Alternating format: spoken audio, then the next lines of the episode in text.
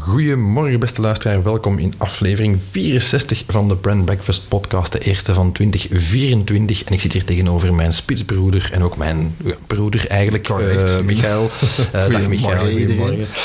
Um, ja, we hebben uh, weer drie interessante topics um, verzameld om het over te hebben met elkaar. En hopelijk kunnen die jullie inspireren. We beginnen met brand language, hè, de, de, taalgebruik, tone of voice. Hoe pak je dat aan? Hoe, hoe zorg je voor impactvolle verhalen? Klopt, en dan gaan wij naadloos over naar ons tweede topic, zijnde het belang van branding in mergers en acquisitions, waarin we gaan kijken hoe belangrijk het is om bepaalde beslissingen te maken en welke opties dat je daar hebt in kader van merkenarchitectuur. Zeer relevant in de consolidatiegolf die blijkbaar exact. overal gaande is op dit moment. En we eindigen met eh, ja, eh, onze, onze, onze visie op concurrentiestudies eh, in merkanalyses. Hè. Eh, hoe kijk je naar concurrenten? Wat zijn uw concurrenten, directe en indirecte? En eh, ja, ik heb daar een interessant inzicht eh, op gedaan dat ik graag eh, wil delen. Ik ben zeer benieuwd.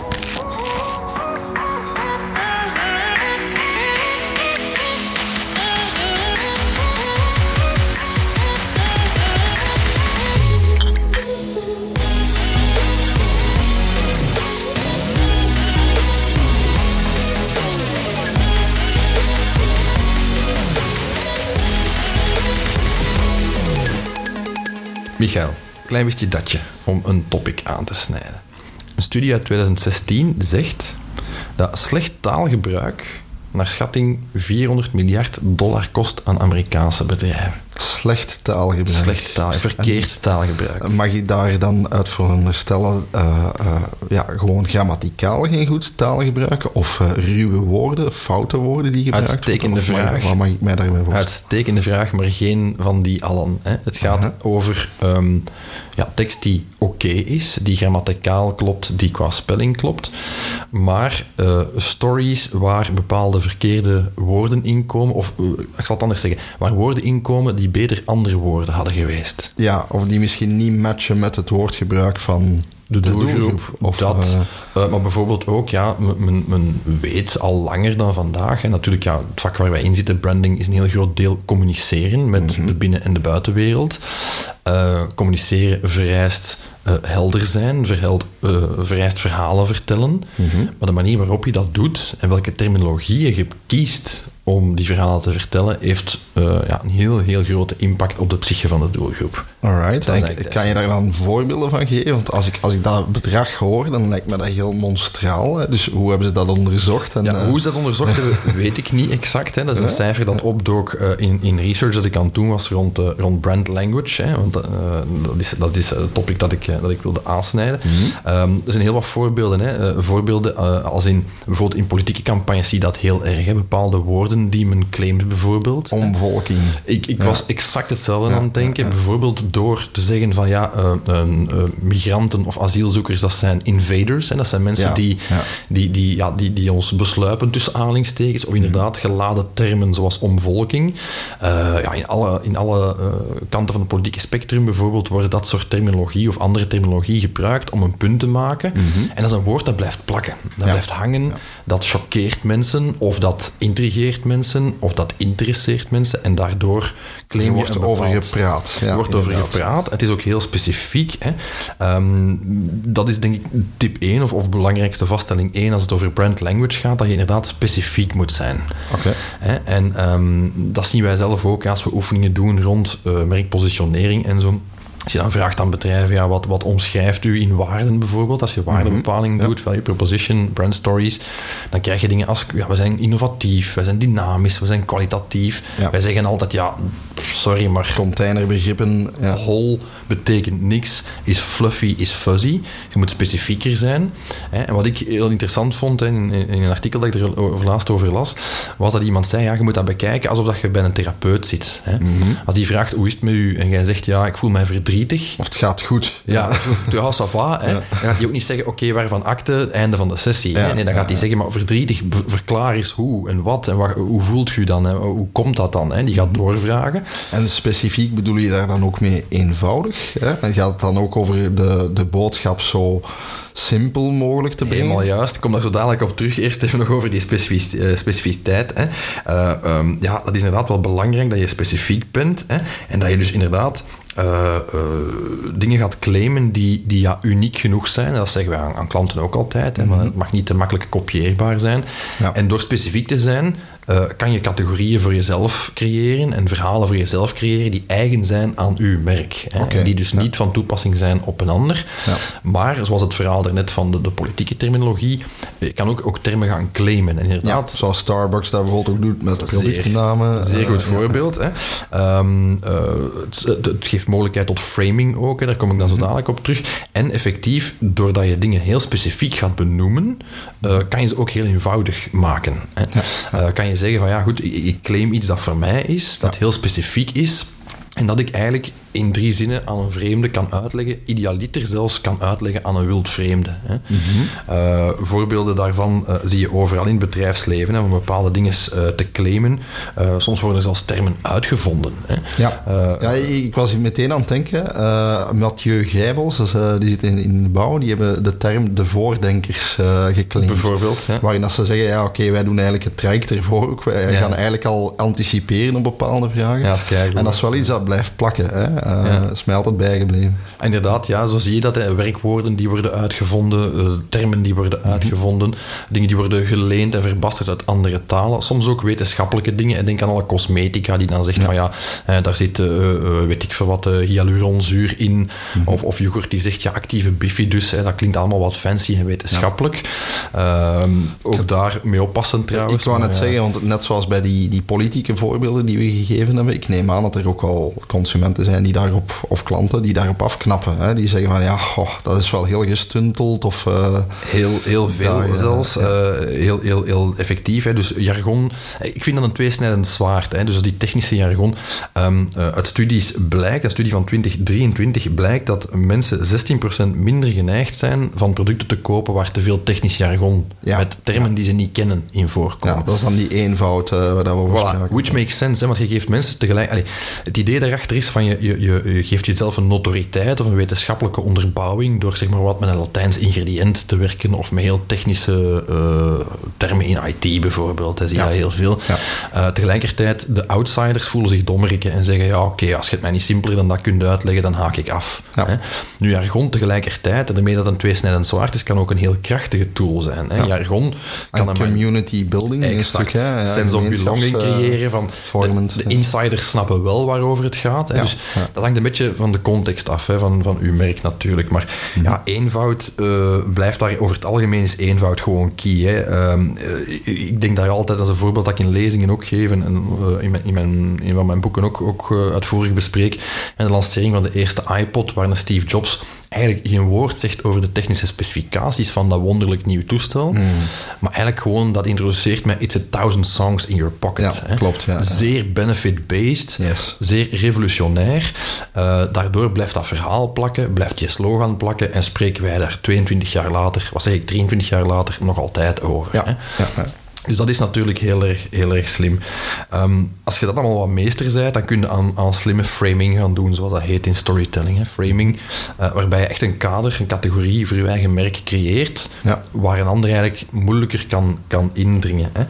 Uh, ja, dat is eigenlijk mensen met taal, hè. opnieuw, dat zie je in die politieke debatten, zie je dat ook, hè, voor maatschappelijke debatten, met bepaalde taal of bepaalde terminologie in een bepaalde mindset brengen. Ja. Uh, dat klinkt nu heel vaag. Ik geef in mijn boek Brandhacking het voorbeeld van Dettol bijvoorbeeld. Hè. Mhm. Die zegt van ons product, als je dat gebruikt en je reinigt daar je huis mee, dat doodt 99,9% van de bacteriën. Ja? En iedereen hoort die spotjes, ziet die spotjes, ziet die ads en denkt, oh, dat zal wel een goed product zijn. Ja, dat is 100% eigenlijk. Ja. Tegelijkertijd, als je begint na te denken, en dat, dat is pure framing, want moet je dat eigenlijk wel willen, dat 100% van de bacteriën sure. in je huis weg zijn. Hè? Je wilt ook niet in een hermetisch bubbeltje leven. Ja, um, dat is trouwens ook niet gezond, denk ik dan, hè? Als, als, als niet ingewijde. Maar je brengt mensen wel in een mindset van, ah, het is belangrijk dat mijn huis bacterievrij is. Mm -hmm. uh, tegelijkertijd, terwijl je die mensen impregneert met dat idee bied je meteen ook de oplossing, want je creëert een angst van ja, uw, uw huis is niet 100% bacterievrij. Ja. Dan, ah ja, maar geen probleem, geen probleem. In hetzelfde spotje hebben wij de oplossing, namelijk Dettol kuismiddel. Ja. En dus dat is eigenlijk een, een, een heel frame dat je opzet, een heel kader, waarin eh, dat je kan, eh, kan gaan bewegen. Ja, gaat goed taalgebruik dan ook samen met bepaalde verwachtingen scheppen. Als we nu terug naar het, het voorbeeld van Dettol gaan, ja, je gaat eigenlijk een soort van eh, nood creëren dan ook? Of eh, hoe moet ik dat zien? Ik denk dat goed taalgebruik gewoon een kwestie is van het verhaal dat je wilt, te ver- wilt vertellen op een zo hoog, een, een, een, zo, zo groot mogelijk impact eh, te geven eigenlijk. Ja. Hè. Eender welk product of eender welke dienst dat je verkoopt, je wilt dat dat impact maakt. Hè. Dat je purpose duidelijk is, dat je added value duidelijk is, dat je benefits duidelijk zijn. En ik denk daar dat je moet durven ook met taal bijvoorbeeld AB-testing doen. En Ja, daar merk ik ja. ook echt gruwel van de, de, de, de trend die je nu ziet van, oh, een copywriter, ja, toch niet meer nodig. Ik kunt dat toch aan ChatGPT en zo vragen. Dan denk ik, ja, nee, toch maar niet. Tot op heden kan je het nog heel hard spotten, vind ik. Je eh, kan dat spotten. En zelfs, Michael, ik geloof daar echt niet in, eh, ook niet in de toekomst. Hè. Dan mogen mij binnen vijf jaar nog eens terug over aanspreken of, dat, of, of ik daar gelijk in krijg, ja of nee. Mhm. Maar ik blijf erbij dat dat altijd zieloos zal zijn. En dat, ja, dat de neemt natuurlijk aspecten, de machine learning aspect, neemt natuurlijk eh, zaken die al bestaan. Hè, en, natuurlijk, eh, dat is gaat heel punt, herwerken. Eh, dus ja, iets, iets echt volledig creatief genereren, taal creëren. Of zoals een eigen zegt, woord, zoals gezegd, hè, bedenken. Eh, is al moeilijk, hè? Dat is heel moeilijk voor, voor een bepaald framework te hebben vanuit een AI. Mhm. Maar goed, inderdaad, we spreken hypothetisch natuurlijk, want wie weet kan dat binnen vijf jaar wel. Nee, maar ik vind dat wel relevant, ook vandaag in dat debat. Hè, want bijvoorbeeld AI of andere generische blabla, die, die niet door AI ge- geformuleerd geweest is. Mhm. hè, ehm, ja, we denken dan, ah ja, maar dat is goed, dat volstaat. Maar net degene, de dingen die impact maken, zijn net degene die wat uniciteit hebben. Hè, Ja. en, en die, die een bepaalde ziel hebben of die een bepaald woordgebruik gebru- Mhm. gebruiken in een bepaalde categorie van producten en diensten, die niet eigen is aan die categorie. Ja, ja, en bijvoorbeeld een bouwfirma zoals Gijbels, die zegt van ja, hè, eh, het gaat niet over, ja, niet over bouwen en over kwaliteit en over, Mm. eh, eh, weet ik veel wat, energiezuinig. Nee, nee, wij zijn voordenkers. Hè. Dan denk je, maar oh, wacht, je moet niet denken, je moet bouwen. Mm. Maar tegelijkertijd creëerde een frame van, ja, wij doen meer dan bouwen. Juist, ja, ja. Dus dat is dan krachtig taalgebruik, vind ik. En dat zit dan wel knap in elkaar. En ook de manier waarop je zo'n frame opzet, heeft een enorme impact in hoe eh, mensen dat percipiëren. hè. In mijn laatste boek heb ik een, een case van de Universiteit van Washington, die aan groepen studenten eh, beelden laten zien van een car crash. En ze stellen eigenlijk maar één vraag achteraf, namelijk hoe snel denken dat die auto's aan het rijden waren het moment dat ze op elkaar botsen. Ja. En aan de ene groep wordt gevraagd, hè, eh, hoe snel denkt je dat ze aan het rijden waren toen ze tegen elkaar in eh, crashten. En aan de andere groep vragen ze hoe snel denkt dat die wagens reden het moment dat ze elkaar raakten. En de eerste groep, die dus de terminologie crashen voorgeschoteld kreeg, die schatte dat om en bij de 65 km per uur in die wagens, de snelheid. De groep eh, waar je aan gevraagd werd hoe snel reden ze toen ze elkaar raakten, dacht 50 km per Ja, uur. ja, ja. En dus dat zachter, eh, zachter, klinkt. Voilà. Maar dat geeft een enorme impact. Dat is een experiment van, van jaren geleden, hè. dat is van 1974. Maar dat, dat toont aan dat dat, dat eh, een enorme impact heeft hoe je dingen verwoordt en hoe je dingen kadert, hè, letterlijk en figuurlijk framed. Ja. En dat is iets waar merken als ze daar slim mee omspringen. En dus niet op ChatGPT vertrouwen daar alleen. Eh, Of maar deels. Of maar deels, inderdaad. Hè.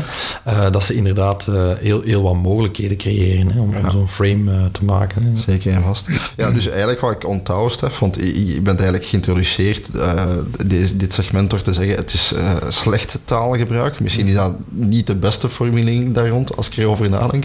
Maar nou ja, het gaat niet per se over dat je taalgebruik correct moet doen, maar vooral krachtig moet doen. Hè? Als ik het dan hoor Ja. uit die pleidooi.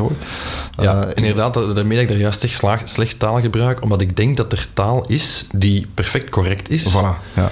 ehm, maar die een verkeerde impact heeft of een verkeerde perceptie heeft. En dat ligt dus effectief aan, aan één of meerdere woorden. Ik vind dat je dat heel goed ziet. Je hebt er net al even aangehaald, die AB-testen. hè. Hmm. Als je kijkt naar die, die, die keynote van een Karel Gillis bijvoorbeeld, hè, die zegt van ja... dat is eh, eh, magistraal verschil de, de soms. hè. impact gewoon bij één woord op een knop te veranderen. Klopt, hè. ja, ja, Hij geeft een voorbeeld van, van een, een case die ze gedaan hebben met een knop waar dat op staat. Hè. Ehm, eh, zoek een verdeler. Ja. En ze veranderen dan naar vind vind, een verdeler. En dat scoort zoveel, ik weet niet meer exact van buiten, maar zoveel tientallen procenten meer eh, kliks op die knop. daar, eh, uit zijn studies, want het is trouwens inderdaad voor de luisteraars heel interessant. AG? Consult, hè, die hebben ook heel wat eh, blogartikelen daarover Hmm. rond AB-testing. Maar daar staan inderdaad ook cases in waarin dat zij eh, eh, laten zien, ja, inderdaad terugkomend op dat, specifie, op dat specifieke, hè, waar dat ze zeggen, ja, eh, een mooie website met veel beelden, hè, dat, is, dat is knap, maar zeker als het dan gaat over een transactie, Ja. willen mensen eigenlijk alle informatie op voorhand al vaak hebben. Eh, blijkbaar is dat dan een sterker, eh, komt dat sterker over dan hè, en gaan mensen al sneller doorklikken als ze gewoon al meteen eh, in één oogopslag alles weten. En nogthans is dat ook dat content, eh, contextgevoelig, hè? want het verhaal van die knop daarnet, ja, je zou denken, ja, iedereen verandert zijn knop naar vind een verdeler in plaats van zoek een verdeler, maar ja, voor een andere merk kan dat dan totaal niet werken bijvoorbeeld. En dus het, is, het, het komt erop neer voor jezelf een sterke tone of voice en een, een sterke brand language. Je kan daar heel ver in gaan. Hè? Het Starbucks-verhaal is daar een voorbeeld Ja, van. hè? Met dan ja, fake Italiaanse termen te bedenken en dergelijke meer. Eh, maar dus dingen als framing, als jargon, Mhm. als eh, eh, specifiek zijn in uw taalgebruik zijn, zijn zeer krachtige triggers om verhalen te vertellen en dus ja, merkpreferentie op te bouwen. Hè. En omring u door de betere copywriter, zou ik dan Doe zeggen. dat vooral, ja. Stef, we merken in heel wat markten waarin wij actief zijn, waarin dat wij klanten hebben, dat er toch al sprake is van een consolidatiegolf. hè. Enorm, ja. Eh, dat er redelijk wat bedrijven zijn die aan acquisities aan het doen zijn, eh, kleinere bedrijven aan het overnemen zijn, in sommige gevallen mergers doen, hè, dus eh, fusies tussen bedrijven. Eh, en dat creëert natuurlijk ook voor branding een en ander qua challenge. hè. Behoorlijk wat uitdagingen. Behoorlijk wat uitdagingen. Hè? Niet in het allerminst natuurlijk, los van het financiële legal component daarvan. Hè? Want je zit dan vaak ook met twee entiteiten en twee merknamen en dergelijke die ja, een bepaalde eh, ja, een, een claim hebben in de markt, zeg maar. Hè? Eh, stelt het natuurlijk ook wel de vraag van ja, wat doen we dan met die merken eens dat die worden samengevoegd. Hè? Eh, nu, je hebt daar bijzonder, bijzonder veel mogelijkheden in, in keuzes die je kan gaan maken. Ehm, ja, en eigenlijk het, het eerste punt dat heel belangrijk is bij zo'n oefening, is dat je eigenlijk dat ook heel goed gaat onderzoeken eh, aan een startfase van een due diligence. Hè? Dus dat je heel goed gaat kijken, ja, welke... Dus voor de overname. dan. Voor de ja, overname, ja, dat klopt. Ja. Ja, Want wij komen soms in situaties waar men zo'n operatie doet en eigenlijk pas post factum, wanneer een contract getekend is, gaat nadenken wat doen we met het merk. Of nog erger, wanneer het eigenlijk al fout aan het gaan Ja, is. En, ja klopt. Ja, en- En daar gaan we soms wel wat snel over. En ik, ik vond het wel eens interessant om daar even te belichten waarom het belangrijk is om, om die oefening goed te doen. Hè. Ja, misschien ten eerste, ja, ik snap het wel ergens ook. Ik denk als je met zo'n operatie bezig bent, hebben we daar toch ook enigszins een klein beetje bescheiden ervaring mee. Ja, dan, dan, ja, dan ben je bezig met eh, de finances en met de cijfers en met het juridische Absoluut. component. En je wilt dat via advocaten en, en tussenpartijen allemaal goed in orde hebben. Ja. Ja, en dan achteraf denkt hij, ja, we zien dat... we- Allee, we'll cross the, the bridge when we get Ja, there. Van, ja, we get wat there. doen we dan met productgamma's en merkculturen en dat soort dingen. Hè? Voilà, terwijl dat mijn tip zou zijn eh, om dat ook mee te nemen in het proces van de overname. Vooraf, Eh, vooraf. Eh, ook omdat je inderdaad daarmee dan heel goede afspraken maakt op het moment dat de lancering is. Van ja, wat doen we ermee? hè? Mm, Eh, Het is altijd heel pijnlijk om te zien hoe soms medewerkers ook heel bang zijn van ja, wat gebeurt er met het merk waar dat wij al twintig jaar voor werken? Gaat dat nu verdwijnen of niet? Eh, moet ik morgen op een andere manier de telefoon opnemen? Ja, of ze vertrekken zelfs, hè, omdat ze, zich daar niet in vertrekken, kunnen vinden allemaal. Dus dat heeft dan vaak culturele redenen. Mm, hè, maar er wordt vaak onderschat welke emotionele eh, value zo'n merk heeft. Exact, hè. Eh, idem trouwens met eh, de markt. Hè, eh, want Juist. ook daar wordt vaak van uitgegaan. Maar ja, als er een bedrijf wordt overgenomen en een merk verdwijnt, ja, dan zullen diezelfde klanten wel klant blijven. Een persbericht sturen en dan iedereen we mee. gaan gewoon iedereen informeren daarover. Maar ja, het heeft vaak toch wel wat meer voeten in de aarde. Hè. Dus eh, eh, daar zou mijn tip zijn. Zorg zeker dat je de sterktes van elk merk ook goed gaat in kaart brengen op voorhand. Hè. Eh, want ja, je gaat dan eigenlijk een beslissing moeten gaan maken over wat doen we met die merken. En daar zijn eigenlijk tig mogelijkheden. Hè. Eh, in sommige gevallen gaan ze, gaan ze eh, samengevoegd worden. Hè. Een goed voorbeeld daarvan is bijvoorbeeld Ahold de Lijs. Hè. Ja, tot één brand. tot ja. één brand. Hè. Dat is dan eigenlijk een soort van merger of equals, hè, zoals we dat noemen. Eh, in andere gevallen wordt er beslist om een merk eigenlijk eh, apart te behouden. Dat is perfect mogelijk. Dat je zegt, we zetten er een soort groepstructuur uh, boven. Natuurlijk kan dat wel wat tot verwarring leiden bij klanten. Hè. Uh, maar het heeft dan wel zijn voordeel dat elk zijn eigen markt nog wat kan bespelen.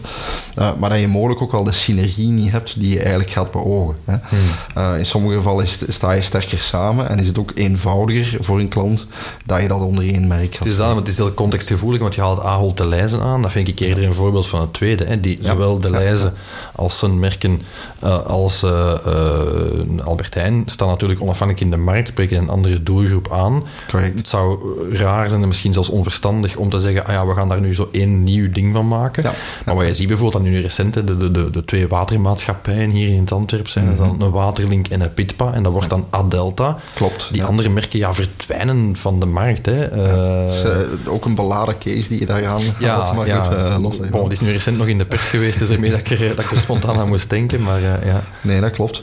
Ja, en in, in sommige gevallen worden er inderdaad ook merken geschrapt. Hè. Mm. Um, en vaak merken wij naar merkarchitectuur dat dat zeker geen slechte beslissing is. Mm, mm, uh, omdat je inderdaad veel duidelijkheid schept. Hè. Uh, maar daar dus opnieuw moet je heel hard de, de kanttekening maken. Maar ja, welk van, het, welk van die merken is dan eigenlijk de sterkste, om het zo te zeggen. Wat ook vaak een subjectieve beslissing dan blijkt. Maar je kan wel aan de hand van marktstudies bijvoorbeeld en bevragingen bij je eigen medewerkers bepaalde dingen gaan polsen. Oké, Mm. welke waarden koppel je aan, aan, aan dit merk? En dan ook gaan beslissen in die operatie van ja, welk merk willen we eigenlijk vertegenwoordigen in de toekomst. Maar moeten die beslissing dan rationeel maken? Of moet je, want dat hebben wij ook al gezien bij fusies en overnames in, in branding, moet je dan bijvoorbeeld ja, die, die historische gevoeligheden meenemen? Ik denk bijvoorbeeld aan ja, de, de oprichter, uh, ja, meneer of mevrouw leeft misschien niet meer, maar het bedrijf draagt nog de naam, ja, dat kunnen we toch niet. Ja. Of ja, iedereen in de buurt kent ons als. Ja, kijk, hoe hard mag dat wegen? Ik, ik val in herhaling, maar eh, we zeggen dat altijd. Maar eigenlijk is het de, de keuze van de klant die daar primeert. Ja. hè. dus eh, vaak inderdaad merken we dat er een emotionele lading is intern. Mm. Maar die weegt niet altijd op tot de opportuniteiten die er eigenlijk zijn markt, door ja. een verandering te gaan doen. Mm. Ehm, dus ja, die legacy, zeker en vast, pak die mee. Hè. Het is eh, zelfs ook wel mogelijk, zelfs al verdwijnt bijvoorbeeld een merknaam en een logo, dan gaat het op in iets anders, dat je dat verhaal nog steeds kan brengen. Hè. Nee, ja, op een andere manier. Eh, op een andere manier. bestaat, dus, ja. dus dat kan zeker. dat je de value meeneemt en de story, maar de merknaam niet meer. En de historiek inderdaad. Hè. dat is ook iets wat wij in zo'n oefeningen ook heel hard proberen te Mm. beogen. Hè. Dat je wel de karakteristieken van die twee merken of meerdere merken mee kan krijgen. Eh, daar moet je natuurlijk opletten dat je niet te veel in een consensusverhaal komt. Maar het is wel belangrijk dat natuurlijk ehm, die mensen die daar werken zich blijven herkennen in, in ja, wat dat bedrijf doet of wat dat product doet. Ja, en dat dat ook geshaped wordt, denk ik, inside out. Hè? Want dat is iets Ja. dat, dat, mij de laatste jaren veel opvalt, dat die merkcultuur heel vaak genegeerd wordt bijna. Hè? Van, Absoluut. ja, mensen zullen zich wel schikken. Hè? We zijn vanaf nu, heten we zo, en dat is waar we voor staan. Klopt. Waar dat wij dan in de praktijk vaak het tegenovergestelde zien, Mm. dat je echt wel eh, deflectors hebt. Hè? Dus mensen die dat echt gaan boycotten zelfs. Nou ja, hakken in het zand. Hè, en ook weigeren de eerste maanden om, eh, om dat verhaal mee te onderschrijven. Mm.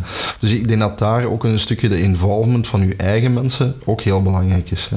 Eh, dat je ze inderdaad bevraagt, maar misschien ook wel ja, mee een keuzebeslissing ja. laat ja. geven. Niet noodzakelijk over een strategische keuze, welke merken er moeten behouden worden, maar misschien wel over de invulling van een toekomstig merk. Maar dus dat ook participatief dat proces maken dan? Of, eh, Eh, toch zeker in een tweede fase. Hè. Ik denk dat je een strategische keuze top-level moet maken. Mm, het is ook te moeilijk, denk ik, om, om die beslissing aan, aan, aan iedereen. Te, te laten.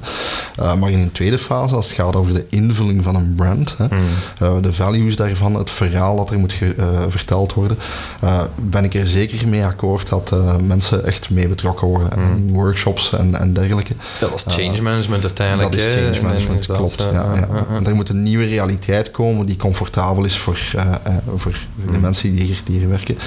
Maar tegelijkertijd misschien ook wel wat challenging is ten opzichte van een legacy van voorheen. Hè. Want, Ja, dat is ook belangrijk. Het is niet omdat een merk een goede legacy heeft, dat het erom toekomstgericht is. Hè. Mm, nou en in de toekomst nog de beste keuze is om het op die manier Ik vind dat te heel gevaarlijk, hè, want we hebben het er nogal over gehad in andere afleveringen ook. Van, ja, ik ben ook iemand die zegt, je moet het kind niet met het badwater weggooien. Mm. en je hoort heel vaak, elk jaar zijn er cases van rebrandings die slecht vallen in de markt. Ja, en, ja. mensen zeggen, maar morrelt daar toch niet uit. Ik denk in de laatste aflevering, als je twee nog gaat over die fameuze Pirato chips rebranding bij Aldi. En ik denk van, maar laat dat toch. Allee, wat kost u dan nu van één extra merk in de markt te houden? Hmm. Maar aan de andere kant, ja, je kunt je afvragen, is de klant altijd koning? Hè? Het is niet omdat er daar een legacy is, dat je die niet kan overdragen op iets anders. Dat is zo, en verandering is altijd moeilijk. Hè? Eh, zeker als het emotioneel geladen is. Ik denk Hmm. nu vaak ook aan de fusies van de gemeenten, hè?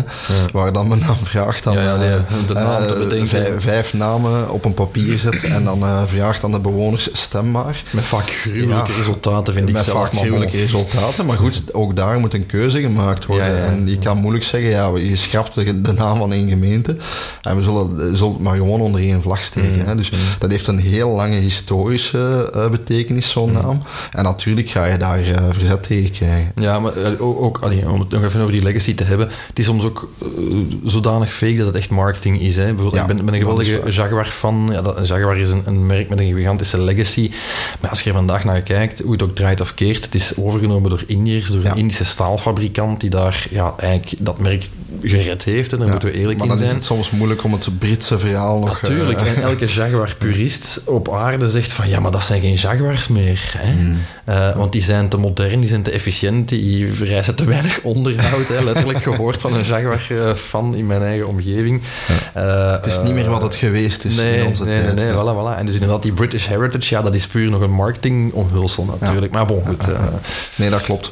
Ja, en inderdaad, allee, als we dan spreken, en nu toevallig met de case van de gemeenten, Mhm. ja, een keuze kan natuurlijk ook zijn dat je alle merken schrapt en een nieuw verhaal schrijft. ik ging zeggen, is dat verstandig? Voor tabula rasa doen al? Eh, in sommige gevallen natuurlijk wel. Mhm. Hè. Als je gelooft dat die synergie meer waard is dan de twee componenten. Ja, hè. ja. Eh, of zegt van ja, we willen echt een, een, een andere perceptie creëren. Ja, dan gebeurt natuurlijk ook vaak dat je daar een rebranding operatie Ja, gaat doen. ja. Eh, en dat kan inderdaad wel interessant zijn opnieuw om dat verhaal weer samen te schrijven. Hè. Mhm. Dat kan ook geen enkel van die partijen zeggen, maar ja, maar ja, wij voelen ons Ja, ja, uitgesloten, geen ons stuk is geschrapt. ja, voilà, voilà. Uh, dus dat heeft dan weer die, uh, dat voordeel. Maar inderdaad, ja, uh, je hebt natuurlijk het nadeel, zeker in het geval van grote merken, dat je ook wel een tabula rasa doet, een stuk. Hè, en een merkbekendheid terug moet gaan opbouwen. Maar goed, dat is bij een klassieke rebranding natuurlijk ook zo. Ik net zeggen, is dat niet een Dus, beetje uh, het prefer- preferabel scenario? Ik weet dat dat soms contra-intuïtief klinkt, hè, maar eh, in dat soort fusieverhalen, ja, soms, soms kan je niet he- omheen dat er een heel dominant merk is Ja. die dan Ja. ja, een niche-speler opkoopt in zijn markt. Ja, en evident, eh, dat dominant merk blijft zijn ding. Maar als je, hoe meer ja, je gaat ook niet altijd trouwens. Hè. Nee, nee, dat klopt, dat klopt, dat klopt. Maar ik wil zeggen, hoe meer dat je gaat in dat spectrum naar, ja, het zijn equal eh, eh, parts of the sum, Mhm. des te moeilijker dat dat, vraag, dat, dat vraagstuk wordt. Hè. Kijk, nou, nou, ik, vind persoonlijk zo het verhaal van KLM Air France, ik vind dat iets ge, gekunsteld Ja, hebben. Zo van, moeilijk, ja, je, je zit dan even groot, bij wijze van spreken, even dominant in de markt. Je kan je achteraf de vraag stellen of het niet beter was geweest dat die op een gegeven moment zijn, oké, bon, ondanks de heritage van die merken, misschien moeten we ze gewoon schrappen en samen een nieuw merk in de Mm. markt lanceren. Ja, dat zal heel veel historische redenen hebben Ja, wellicht. En, Juridische misschien ook, want dat weet je Juridische niet wellicht altijd, ook. ja. Hè. Eh, maar inderdaad, ja, in, in ieder geval... Ja, eh, misschien is het ook een transitieperiode, dat weet je ook Ja, niet. dat kan, ja, daar hebben we natuurlijk geen, eh, geen Dus inzicht in. eh, eh. ook dat is niet, niet ongebruikelijk. Hè? Dus, eh, nee, ik denk inderdaad, ja, dat is een moeilijke keuze om te maken. Daarmee dat ik ook echt altijd aanraad aan bedrijven van maak die oefening liefst op voorhand. Begint daar op tijd aan, ja. By the way, er zijn ook heel wat um, grotere groepen of bedrijven die een acquisitiegolf doen. Hè? Dus die regelmatig bedrijven uh, overkopen ja, of, of build, mee opnemen. eh, strategieën. Ja. ja, ook daar is het wel belangrijk dat je een soort van policy hebt. Hè? Want als je uh, voor het ene bedrijf dit doet, dan Ja, dat doet, en ook dat hebben wij al meegemaakt in sommige cases van klopt, onze klanten, ja. dan is het heel moeilijk om ineens een beslissing te gaan verantwoorden. Hè? Want ja, waarom gelden deze regels voor, uh, voor het bedrijf X en andere regels voor bedrijf Y? Ja, het kan, hè, maar je moet het wel verklaren. Het kan zeker. Hè. Uh, in het heeft misschien ook een logica, maar ja, je moet daar toch best een, een policy voor hebben. Hè. Dat je echt wel beslissingen ook uh, ja, afweegt ten opzichte van brand equity bijvoorbeeld. Ja. Hè. Van, ja, hoeveel is zo'n merk waard tussen twee haakjes in de markt? Uh, ja, en intern dan, om het intern te verantwoorden of ook extern voor jou? Ja, ik denk, ik denk beide, maar in eerste instantie intern. Hè. Uh, je moet wel kunnen duiden aan mensen waarom die verandering nodig is, Mm, intern. Hè. Uh, maar ja, dat zij er ook bij gaan winnen, bij wijze van spreken. Ja, ook dat is om- basic change management. hè. Als er ja. geen win duidelijk is, ja, gaan mensen... Allee, niemand verandert graag. Hè. Zelfs Correct, degene die... Nee, dus staving is daar heel belangrijk in. En natuurlijk in branding is dat vaak ja, eh, ja, een moeilijke, omdat je natuurlijk niet alles 100% kan voorspellen. En Ja. Het is ook niet allemaal Of terug te brengen in feiten Ja. of, Ja. of cijfers.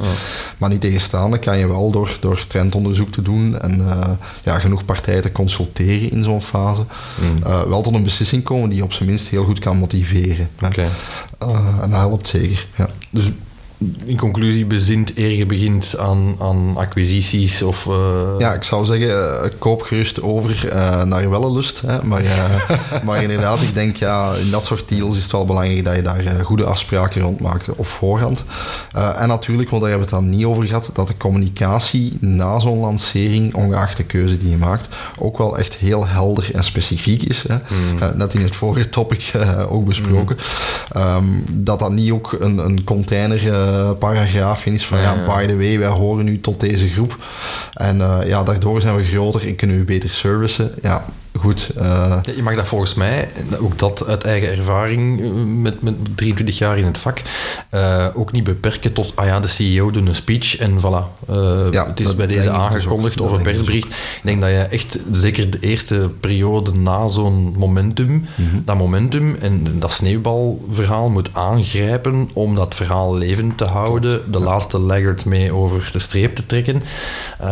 Want dat, ja, dat heb ik echt bij internationale groepen zelfs meegemaakt. Hè. Maar, ja, ja, voilà, dat is beslist nu. ja, ja. Eh, en we gaan er samen voor. Dank u wel allemaal. Prettige dag nog. Echt een videoboodschap van de CEO op het internet. wat dan heel veel onzekerheid en frustratie Natuurlijk. eh. Letterlijk eh, niemand was daar enthousiast over. Om die reden. Maar wacht, wat betekent dat voor ons? En wat is ons aandeel daarin? En, en hoe, inderdaad, hoe nemen we morgen de telefoon op? Gaat mij letterlijk vragen gehad. Hè.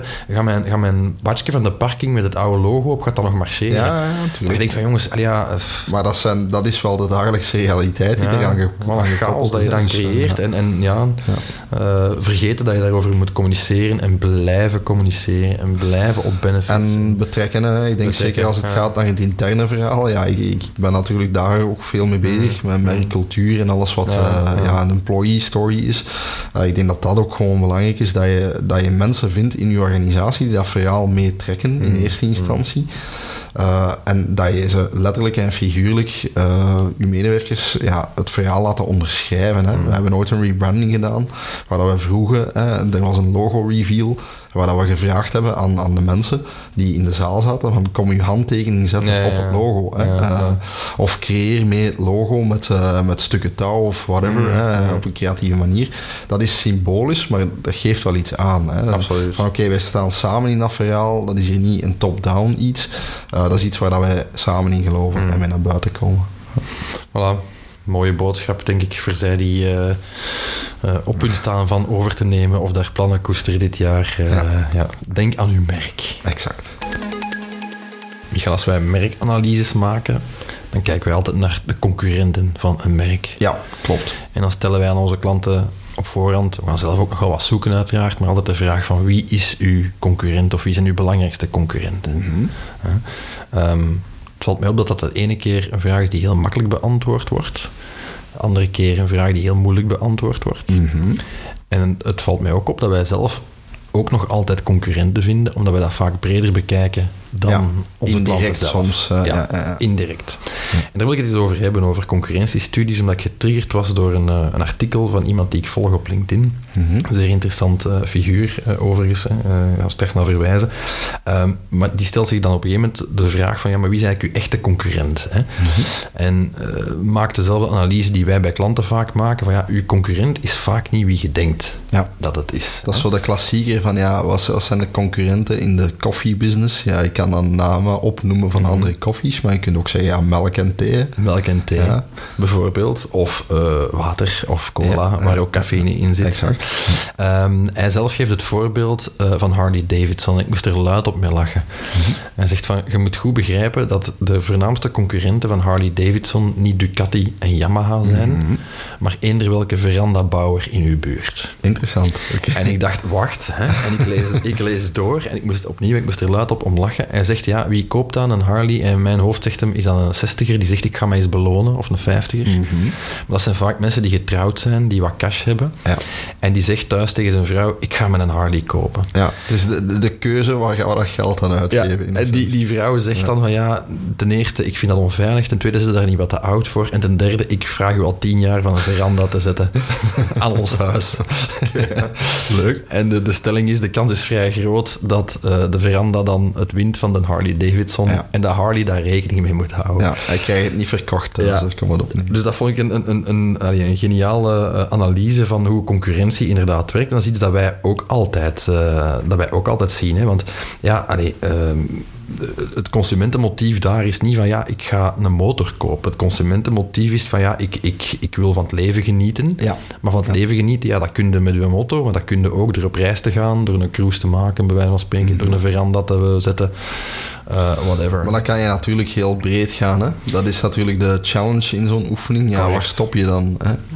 Uh, ja, en de, dus de man eh, van wie dat uh, artikeltje op LinkedIn was, is ook de schrijver van een boekje dat ik hier heb liggen. Ik, had, ik verschoot een beetje als het met Amazon toekwam. Ik had gedacht dat het zo een formaat A5 ging hebben, lekker als, als mijn boeken, maar het is echt een mini-boekje. Ja, dus voor de luisteraars, Stef houdt nu een boek omhoog en dat is ja, ik zal niet zeggen het formaat van een postkaart. iets groter, ja. Net iets groter inderdaad. Maar een zeer interessant boek, No Bullshit Strategy heet het, van Alex Smith. het was een heel gedoe om het hier te krijgen, want blijkbaar is het in Europa niet zo makkelijk te verkrijgen, maar uh, wel de moeite.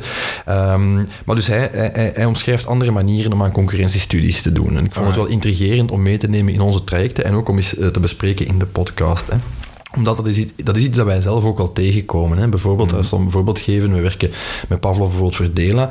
Um, dat gaat dan over uh, uh, ja, verzekeringsproducten, een overlijdensverzekering. Ja, ja. Um, en ook daar constateren zij en wij met hen dat hun grootste concurrent niet zozeer andere verzekeraars zijn, hmm. maar mensen die zeggen, ja, ik heb dat niet nodig, want ik heb spaargeld genoeg. Ja, of een levensverzekering. Of, voilà, want als heel de propositie van uw product is bespaar uw nabestaanden de kost van uw uitvaart. Mm Maar je zit met een, een, publiek dat zegt, ja, maar ja, dat kost van mijn uitvaart. Ja, ik, ik kan die wel dekken en mijn nabestaanden ook. Ja. ja. dan bestaat er ineens geen nood meer aan je product. Hè. Dan kan je zeggen, oké, je moet als merk je boodschap veranderen. Maar je kan ook gaan kijken, ja, tegen wat concurreert je dan en hoe gaat het daarmee om? Hè. Ja. En die Alex Smith heeft daar dus een, een, een methode die hij voorstelt. Hè. En hij zegt eigenlijk van, ja, kijk, we maken allemaal heel uitgebreide doelgroepstudies. Dat doen wij ook hè, in trajecten rond, rond branding. Uh, waarbij dat we zeggen, ja, het motief moet centraal staan. Je mag niet naar demografische dingen kijken en zo verder. Mm -hmm. Om klanten te snappen hoe zij beslissingen maken, moet je kijken naar, inderdaad, naar emotie en dergelijke meer. Hè. En wat hij zegt is, ja, eigenlijk moet je hetzelfde doen als je concurrentiestudies doet. Hè. Mm -hmm. uh, je mag daar ook niet gewoon kijken wat zijn directe of zelfs indirecte concurrenten. Hè. Maar je moet inderdaad gaan kijken wat zijn motieven voor mensen om met merken te interageren. Hè, ja. Vanuit je doelgroepstudie. En die, uh, die inzichten gaan transponeren naar uw concurrentie. Naar alternatieven eigenlijk, ja. Naar, naar, alternatieven die misschien op deze zicht totaal geen alternatieven zijn. Hè? Want het voorbeeld van koffie en cola kan je zeggen, oké goed, het motief is wakker worden en wakker blijven, en de mm -hmm. cafeïne rush. Maar dat kan inderdaad nog heel verder, veel verder gaan. Hè. De, concurrent voor koffie kan ook zijn, ja, goh, uh, ik wil gewoon een momentje voor mijzelf. Dat kan even goed een sigaret of, of een koekje of, ja, of uh, ja, een wandeling in het park zijn. Hè. Kan ook een concurrent voor koffie zijn. inderdaad. Om het even heel uh, in, in pre te trekken. En hij zegt, ja, je moet dat eigenlijk in vier stappen doen. Mm -hmm. um, wat ik wel intrigerend vond als, als methode, en, en wat ik zeker meeneem ook in, in toekomstige studies die we daar zelf rond maken. Hij zegt van, je moet eigenlijk met een paar mensen, idealiter bij het merken in kwestie, rond de tafel gaan zitten en een lijst maken van redenen. Uh, redenen waarom iemand zou interageren met uw merk. Hè. En zoals dat we altijd zeggen, rationeel en emotioneel. Maar ook, zegt hij, contextueel. Namelijk, wanneer doet hij dat? Ja, ja, ja, En in welke hoedanigheid doet hij dat? En wat wil hij eigenlijk echt bereiken? En zo gaat hij weten... motive. Uh, voilà. en door die hidden motives gaat hij weten, wat zijn eigenlijk mijn concurrenten? Mm -hmm. Is dat een wandeling in het park voor mijn tas koffie? Is dat een veranda voor mijn Harley Davidson? En zo verder. Mm -hmm. En als je dat uh, gedaan hebt, dan moeten die, die antwoorden clusteren in categorieën. Mm -hmm. Stap 2. Stap 3 is dan aan de meest top-of-mind alternatieven denken. Ja. En dat is natuurlijk het moeilijkste, want ja, dat kan heel breed zijn. Maar hij zegt, ja, daar moet je eigenlijk je doelgroepstudie en je concurrentiestudie eigenlijk met elkaar mergen. Hè. Mhm. als, je, als je weet wat de motieven van je klanten zijn, dan kun je ook de meest top-of-mind dingen oplijsten. Ja. Bij een Harley kan dat bijvoorbeeld zijn inderdaad genieten van het leven. Dat wil zeggen, ja, misschien wil ik gewoon mijn pelouses heraanleggen. Of wil ik mijn oude badkamer vervangen door een, eh, een badkamer met een, met een sauna in, bijvoorbeeld. Ja, Hè. ja. Of Eh, ik ga een goede reis doen. eh, of ik ga een goede reis doen, of ik koop geen, geen Harley, maar gewoon een elektrische fiets. En dan voel ik ook de wind in mijn haren. Dat is misschien een stuk veiliger hè, dan, dan met een motto. Ehm, en tenslotte, ja, die lijst van alternatieven moet je dan herleiden naar een top 5. Hè. En hier is dan de crux van het verhaal. Als je die een top 5 hebt, dan weet je niet alleen wat je indirecte concurrenten zijn, of wat alternatieven zijn voor het motief. Maar dan kun je ook zeggen ja goed, ehm, eh, dat zijn indirecte, maar hij noemt dat onvoorspelbare concurrenten. Oké. Eh, je weet niet wat die gaan doen. Ja, die zitten in, misschien in een heel andere eh, business, in een heel andere industrie, in een heel andere sector. Ehm, maar dat biedt wel een compleet nieuw perspectief en dat helpt uw merk om zich te positioneren op basis van heel andere benefits. Klopt. En want de benefit van een veranda is bijvoorbeeld ja, genieten van het goede weer. Ook als het slecht weer is, bijvoorbeeld. En dan kun je kijken als Harley Davidson, ja, hoe kunnen wij daar met een benefit aan tegemoet komen? Ja. Ja, ik volg daar je logica, Stef, absoluut. Maar dat is natuurlijk ook de vraag van... dan ben je eigenlijk aan het nadenken over welke meerwaarde heeft mijn product. Ja, ja. Maar nog niet noodzakelijk hoe verschilt mijn product dan van gelijkaardige producten. Nee, dat is een beetje de, de pitfall dat ik daar dan zie. Ik denk dat je de combinatie moet maken. Exact, ik denk dat je als Harley Davidson zijnde, om dat voorbeeld te blijven handhaven, en dat is heel, dat is heel duidelijk, denk ik, voor, ook voor de luisteraar, eh, dat je heel goed kan inbeelden, wij maken dat soort motor. Mhm. eh, en een Ducati, ja, dat is een ander soort motor voor een ander publiek. Die hebben Ja. andere motieven wanneer ze een motorfiets kopen. Yes. Ja. Ehm, door de denkoefening te maken van ja, wat zijn motieven om een veranda te zetten, ga je in een heel ander kader denken. Hè? Het is aan, want daar gaat het eigenlijk vooral over de nood creëren om dan uw dienst of product... Ja, of Eh, benefits van totaal andere sectoren te, te cross-contamineren naar u. in die zin, ja, klopt. Ik denk dat, denk dat het eerder... eh, Stel, stel bijvoorbeeld een motief om een veranda te kopen is mijn vrouw content houden. Hoe kun je dan als, als eh, Harley Davidson inspelen Hmm. op de de partner, en ik zeg nu de vrouw, maar dat kan even Ja, voor de man zijn, de partner content houden met een product als een Harley. Hè, dat je inderdaad benefits van andere sectoren, die daaraan gekoppeld worden door je doelgroep, kunt Hmm. eh, transponeren naar uw merkaanbod. Ja, ja. En dat vereist natuurlijk ja, wel wat denkoefening, hè, die, die denk ik ook wel wat begeleid is op een of andere manier. Eh, maar toch wel interessant, hè, dat hij zegt van ja, je mag dat niet als, je, je mag een doelgroepstudie nooit loszien van een concurrentiestudie. En dat is waar, hè, dat is wat, dat, wat Ja, dat dat Peter is wat Drucker wij in al- principe ook Voilà. allee, doen hè. dat principe geloven wij ook. Eh, wat vind je van merken of van eh, adviseurs die zeggen een concurrentiestudie is niet nodig? Hè? Want ik hou daar soms wel eens een, een challenge op. Ik heb daar mijn eigen visie op natuurlijk. Hè. Om de redenen die je net hebt eh, aangegeven vind ik het altijd interessant om ook de markt te bekijken en het speelveld waar dat in zit. Trouwens in businessstrategie wordt dat ook gedaan. Hè. Dus, natuurlijk, natuurlijk. maar er zijn er ook die dat zeggen, ja, je moet meer de Apple-methode hanteren en eigenlijk gewoon je eigen ding doen. Ja. Hè? Uh, you do you. Uh, we hebben daar een gast van gehad, uh, en, en, twee dames die een boek geschreven hebben, ja. specifiek daarover. Stefanie Duval en... En Nele Pieters. En. Nele Pieters, inderdaad. Die exact dat pleidooi voeren. Hè? Dat gaat dan over doelgroepstudie, maar je moet naar je klant niet te veel Nee, luisteren. dat is dus bij concurrentie inderdaad, we horen bij klanten ook, van ja, maar onze concurrenten, we kennen die, of we vrezen daar niks van, of ja, dat is niet relevant. Mhm. Ik snap het wanneer je zegt van ja, we moeten in een merkstrategie of een propositie voor ons merk, moeten we vertrekken vanuit onze eigen sterktes en vooral Mhm. niet te veel over het muurtje kijken.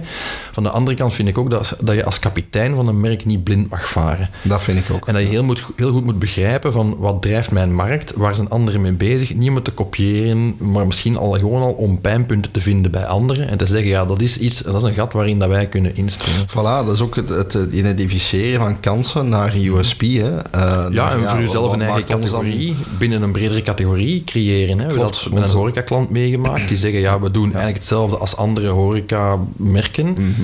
Ja, je moet dat niet onderzoeken, want we weten dat, maar we hebben dat wel onderzocht, omdat we een antwoord wilden bieden op, ja, maar waar maakt je dan het verschil? Ah, voilà. En welk, welke categorie kun jij claimen om Wat niet met die anderen claimen? vergeleken Voilà. te worden en Ah ja, dat, een, een Dat kan je niet weten als je die oefening niet doet, Nee. denk ik. Nee, Eh, klopt. ehm, en inderdaad, ja, het kan perfect zijn dat, dat eh, zo'n ander merk de exact dezelfde Mm. interne sterkte ziet en dat op de exact dezelfde manier gaat voorbrengen. Ja, klopt. ja. Eh, gebeurt trouwens heel vaak. Hè. Dat zie je heel vaak terug. Dat, Uh, als je twee websites van concurrerende bedrijven bekijkt, zie je heel vaak dezelfde dingen terugkomen. En het risico is dat je je daarmee herleidt tot een commodity en dat mensen op prijs gaan yes. kiezen of op, op beschikbaarheid, terwijl je eigenlijk wilt dat ze op benefits uh, ja, kiezen. Dat is ook mijn uh, standpunt daarin, maar ja, ik vond het toch wel interessant om het even op te werpen, omdat dat een opmerking zien we soms krijgen. Correct.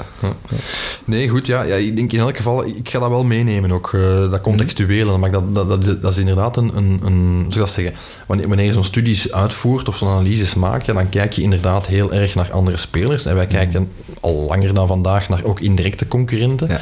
Maar de manier waarop je Smit dat, dat uh, voorstelt, ja, dat, is, dat is voor mij nieuw. Van, ah, oké, goed, ja, inderdaad. Uh, uh, de link met de Davidson en de veranda zou ik misschien zelf ook nog wel gelegd hebben. Mm. Maar wat ik intrigerend vind, is dat hij zegt van, ja, je kunt daar ook iets mee. Ja, ja. En, en er is een manier om dat uh, in, een, in een oefening of in een strategie te gieten uh, waar je mee aan de slag kunt. Dus dat vond ik wel prikkelend om, uh, om mee te nemen ja. als inspiratie. We nemen het mee en misschien aan de luisteraars ook eens een leuke challenge om te doen voor uw eigen bedrijf of merk. Ja, wat is uw veranda? Hè? Die, die vraag moet je stellen eigenlijk. Voilà, bij deze hopelijk weer wat inspiratie kunnen bieden in onze aflevering met korte topics. Uh. Voilà, het was fijn van hier nog eens in de podcast te zijn, Stef. Want ja, ja. Uh, we doen inderdaad veel uh, episodes met gasten. maar ja, we blijven toch altijd wel vragen krijgen die we kunnen opnemen in de, in de podcast. En zelf komen we natuurlijk ook met heel wat ideeën. Yes. maar natuurlijk de oproep, zoals steeds. je kan ons ook altijd bereiken via hello at brandbreakfast.be. Moest je vragen hebben over de zaken die al besproken hebben, mm -hmm. of daar graag eens uw eigen take op wilt geven. Of moest je een prangende vraag hebben die wij eens uh, kunnen bespreken. Of een suggestie voor een gast, want er zijn er voor de komende maanden een paar heel interessante ingeboekt trouwens. Ik weet dat ik dat altijd zeg, maar... Ja, je zegt dat altijd. Ja, maar ik popel nu al om die gesprekken te voeren met die mensen, wat echt wel boeiende... Zijn ze nog interessanter dan de gasten die al zijn geweest? Je moet er altijd vanuit gaan dat de laatste episode de beste de is. Beste dus, is. Ja. dus niet te missen eigenlijk. Niet te missen. Niet te missen. Ja, nee, goed. Ja, bedankt om te luisteren, beste luisteraars. Eh, zoals steeds, in het geval dat je dat nog niet gedaan hebt, uh, abonneer u via Spotify, iTunes en andere kanalen. En dan kan je zeker maandelijks onze episodes op de voet blijven volgen. Voilà, tot de volgende keer.